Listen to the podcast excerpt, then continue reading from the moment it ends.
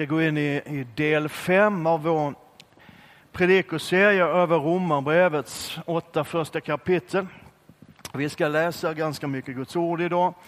Eh, det är ett rätt långt kapitel. Jag tänker predika faktiskt rakt igenom hela det här kapitlet. Vi har ju ändå inget annat för oss idag, eller hur?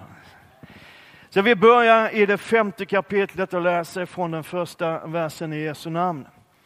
När vi nu har förklarats rättfärdiga av tro har vi frid med Gud genom vår Herre Jesus Kristus.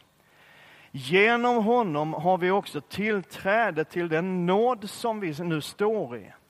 Och vi gläder oss i hoppet om Guds härlighet. Men inte bara det. Vi gläder oss också mitt i våra lidanden, för vi vet att lidandet ger tålamod, tålamodet fasthet och fastheten hopp. Och hoppet sviker oss inte. För Guds kärlek är utgjuten i våra hjärtan genom den helige Ande som han har gett oss. För när tiden var inne, medan vi ännu var maktlösa, dog Kristus i de ogudaktigas ställe. Knappast vill någon dö för en rättfärdig. Ja, kanske vågar någon dö för den som är god. Men Gud bevisar sin kärlek till oss genom att Kristus dog för oss medan vi ännu var syndare. När vi nu har förklarats rättfärdiga genom hans blod, hur mycket mer ska vi då inte genom honom bli frälsta från vredesdomen? För om vi som Guds fiender blev försonade med honom genom hans sons död, hur mycket mer ska vi då inte som, som försonade bli frälsta genom hans liv? Men inte bara det.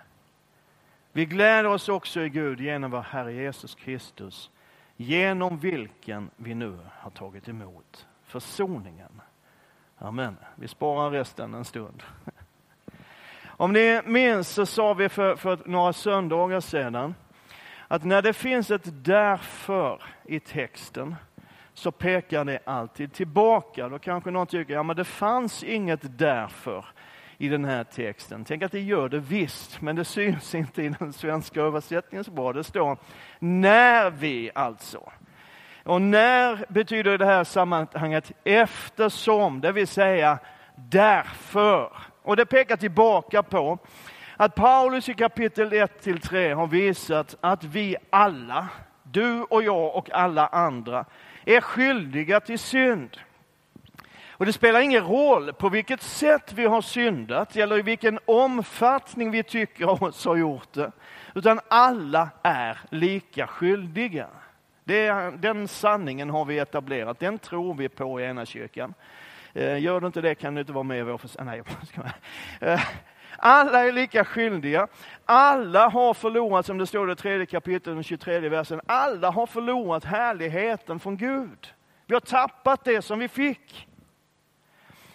Och sen i kapitel 4 som Stefan predikade över i söndags, så visas där genom ett gammaltestamentligt exempel, Abrahams tro, att Gud har gjort någonting åt det problemet.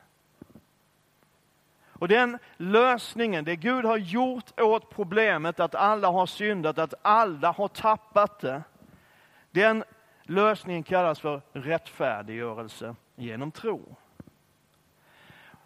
Och vi har sagt vid några tillfällen, och behöver du en, en jättebra förklaring på vad alla de här olika religiösa uttrycken betyder, som rättfärdig och nåd och, och allt sånt där.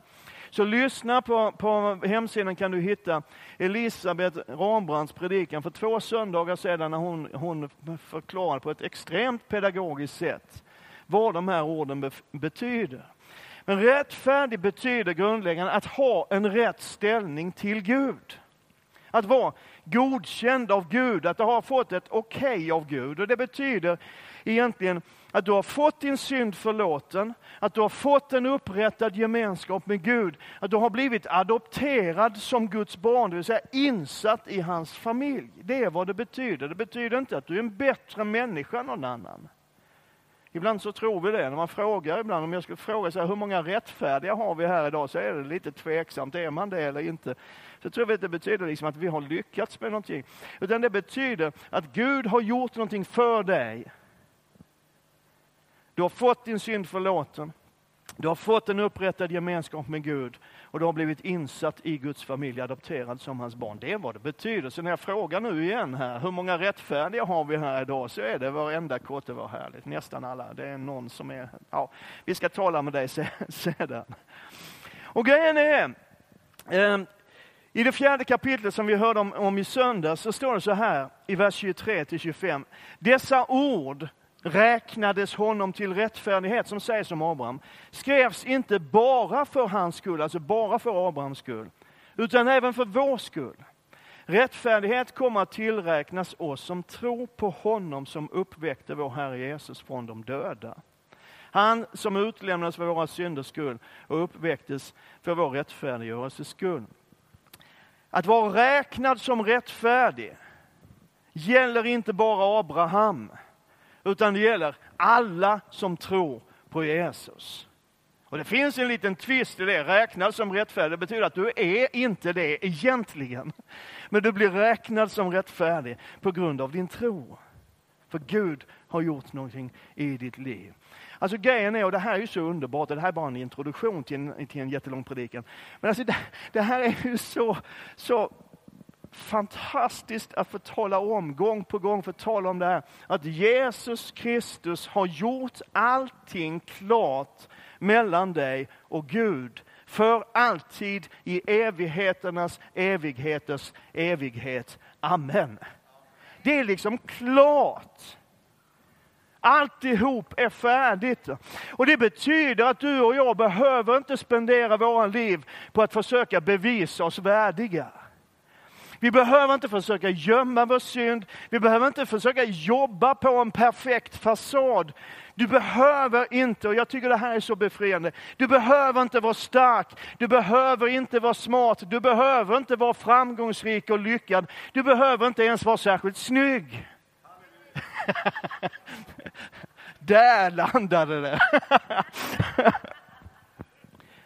För sanningen är, som vi såg i det här avsnittet och som, som det stod om redan i för, förra kapitlet också, att Gud bara rättfärdiggör de svaga, de som inte fixar det. Han förklarar den ogudaktige rättfärdig. Wow!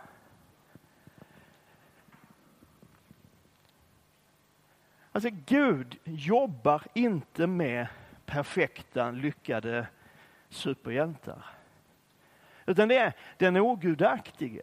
Den som inte klarar av det, den som har sina flås i livet, den som inte är riktigt perfekt, den som gör bort sig ibland, den som, som är ett misstag i det stora hela. Det är ju dem som Gud rättfärdiggör. Det vill säga sådana som du och jag. I det här femte kapitlet så läser vi att, att Gud gjorde allt för oss medan vi ännu var syndare. Det står till och med medan vi var fiender till Gud. Då grep Gud in. Och om det är sant, hur mycket tror du då att dina egna försök hjälper? Och grejen är att jag tror att det är sant. Och att räknas som rättfärdig inte är en belöning utan en gåva. Han gör den ogudaktige rättfärdig. Prisat vare Herrens namn. De två första verserna. När vi nu har förklarats rättfärdiga av tro har vi frid med Gud genom vår Herre Jesus Kristus. Genom honom har vi också tillträde till den nåd som vi nu står i och vi gläder oss i hoppet om Guds härlighet. Och I de här två första verserna så talar Paulus om tre viktiga saker. Och kanske är de ännu viktigare för oss idag, i den tid som vi lever i med, med oro och, och inte veta vad som kommer att hända och allt vad det är. Han talar för det första om frid. Och han konstaterar att det Jesus har gjort för oss har fört oss in i ett tillstånd, i en atmosfär, i en verklighet som han kallar för frid med Gud. Och det här ordet frid, det förekommer ju väldigt ofta i Bibeln, inte minst i Nya Testamentet. Och Jesus använder ofta, han säger till sina lärjungar, att min, min frid ger jag er. Han säger, frid lämnar jag efter mig åt er. Han säger, jag ger inte det som världen ger, jag ger frid istället. Det är vad Jesus säger. Och det är väl lite så att vår förståelse av ordet frid lite grann landar i, liksom, i ro och vila, att det är fridfullt och lugnt. Liksom kopplat till någon sorts känsla av att må bra. Men det är samma ord i Nya Testamentet för frid och fred. Det är det på väldigt många språk, men, men det, det, är så. Så grejen är att när Bibeln talar om frid så handlar det om en objektiv beskrivning av vår relation med Gud i första hand. Alltså Jesus kom ju inte och utförde inte sitt försoningsverk i första hand för att du och jag ska må bra, även om det kan vara och väldigt ofta är ett resultat av vad Jesus har gjort. Men det är inte det det handlar om. Utan Jesus kom för att fixa ett större problem. Att vi var Guds fiender och att vi levde i uppror mot honom, men vi har försonats. Och det är som det ska vara mellan dig och Gud om du sätter din tro till Jesus Kristus. Han talar om nåd.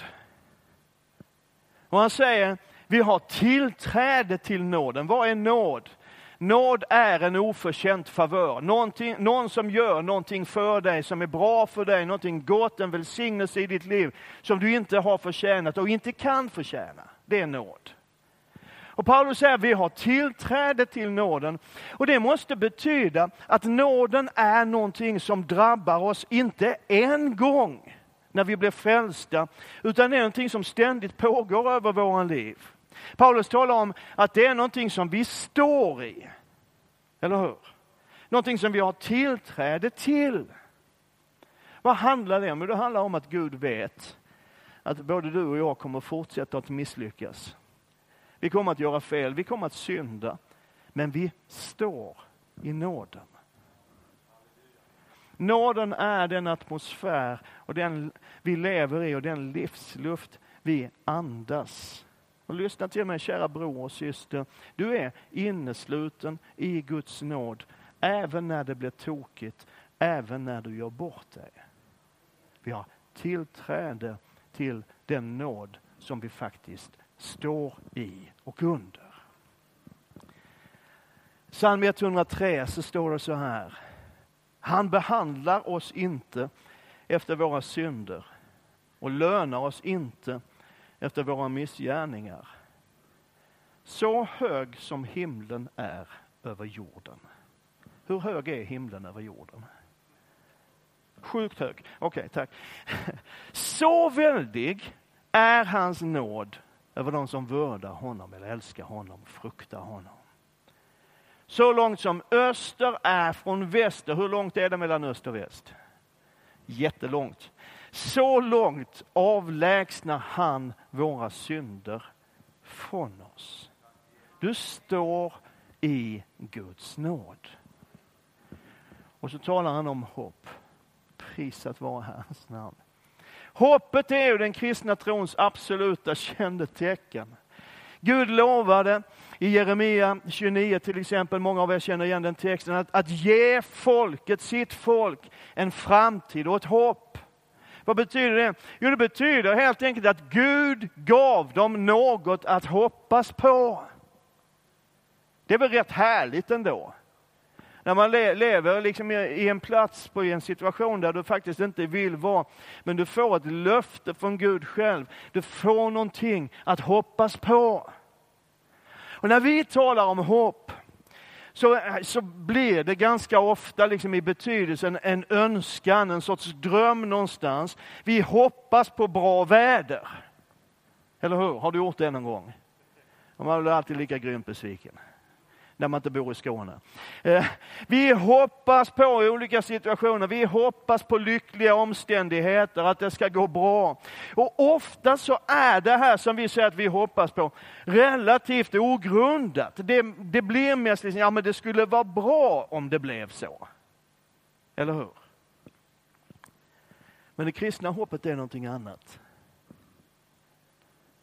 För det har en grund. Det står på någonting. Bibel 2000 för en gångs skull uttrycker det så här. Tron är grunden för det vi hoppas på. Den ger oss visshet om det vi inte kan se.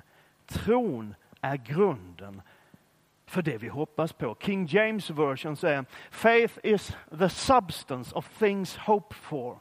Alltså att tron är själva substansen av det vi hoppas på. Det är själva grundämnet. Tron är det ämne, det material om du så vill, som hoppet är byggt på och av. Så det kristna hoppet vilar på en säker och stadig grund, vår tro. Och så säger Paulus i den femte versen i, i kapitel 5, och det hoppet sviker oss inte. Eller det låter oss inte skämmas, står det i någon översättning. För Guds kärlek är utgjuten i våra hjärtan genom den helige Ande som han har gett oss. Det, säga, det kristna hoppet vilar på, vilar på tron på en Gud som har fyllt våra hjärtan med sin kärlek.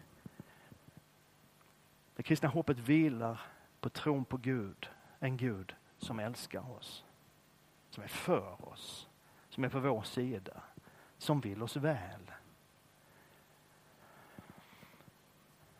Så frid, nåd och hopp är det som rättfärdiggörelsen genom tron för med sig in i våra liv, in i vår vardag. Och det får du och jag leva i. Vi får leva det idag, vi får leva i det imorgon, vi får leva i det i evighetens evighet. Att leva i att det är bra mellan mig och Gud. Det är frid.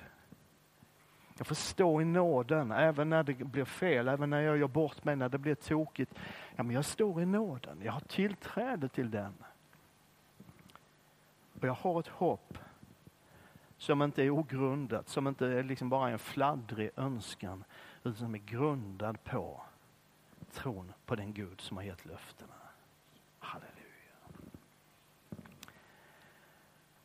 Sen kommer i det här kapitlet ett resonemang, ett avsnitt som man nog får säga är aningen krångligt. Är det någon som har läst det femte kapitlet under, under de senaste dagarna? Är det någon som tycker att avsnittet från vers 12 och framåt är rätt krångligt? Jag med. Och grejen är, Paulus växlar fram och tillbaka mellan Adam och Jesus. Och när man läser det här, så, och ska man vara ärlig, så det, det, kan vara lite lätt att tappa bort sig. Sen så ibland så undrar jag lite grann, får jag säga så här utan att, att du blir jättenervös? Ibland kan jag undra över Paulus pedagogiska skills. För, för han säger att han säger att det ena kan inte jämföras med det andra, sen gör han ändå det ett par gånger i den här texten. Han säger liksom, ja, men det går inte att jämföra vad Jesus har gjort med, med det som synden orsakade. Sen jämför han det. Så det kan vara li, lite, lite, lite knö. Men vi läser den texten, det har vi tid till. Jag har tio minuter kvar på min, min klocka och den vet inte ens vad den säger. Så det gör inte. Från vers 12, kapitel 5.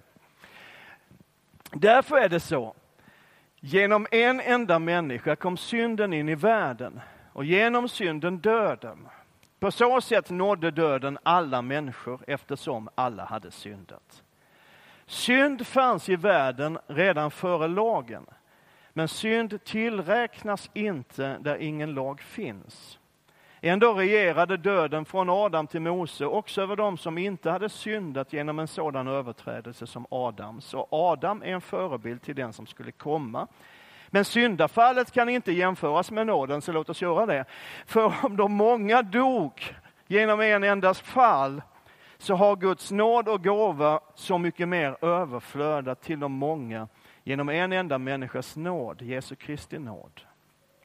Inte heller kan gåvan jämföras med det som kom genom en enda synd. Så låt oss göra det.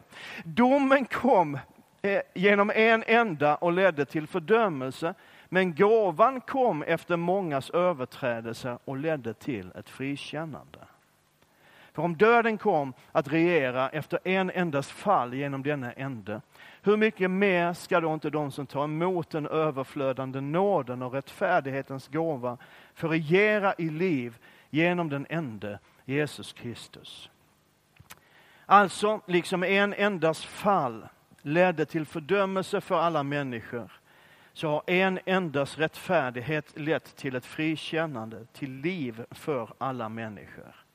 Liksom de många stod som syndare genom en enda människas olydnad, så ska, de, ska också de många stå som rättfärdiga genom den enes lydnad. Dessutom kom lagen in för att fallet skulle bli större. Men där synden blev större, där överflödade nåden ännu mer. Liksom synden regerade genom döden, så skulle också nåden regera genom rättfärdigheten och ge li evigt liv genom Jesus Kristus, vår Herre. Vad är det Paulus säger? Jo, han säger så här. Att Adam som representant för hela mänskligheten säger nej till Gud. Och då kommer synden in i världen.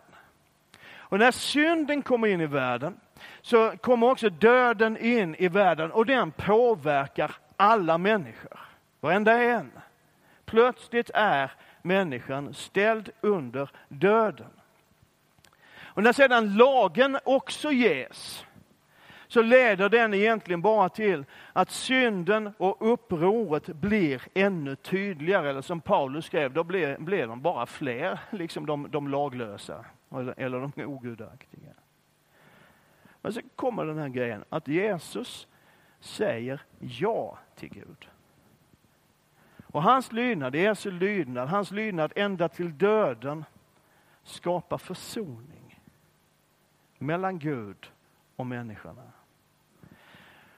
Så istället för att synden och döden och lagen regerar över människorna, regerar istället nåden och den påverkar hela mänskligheten.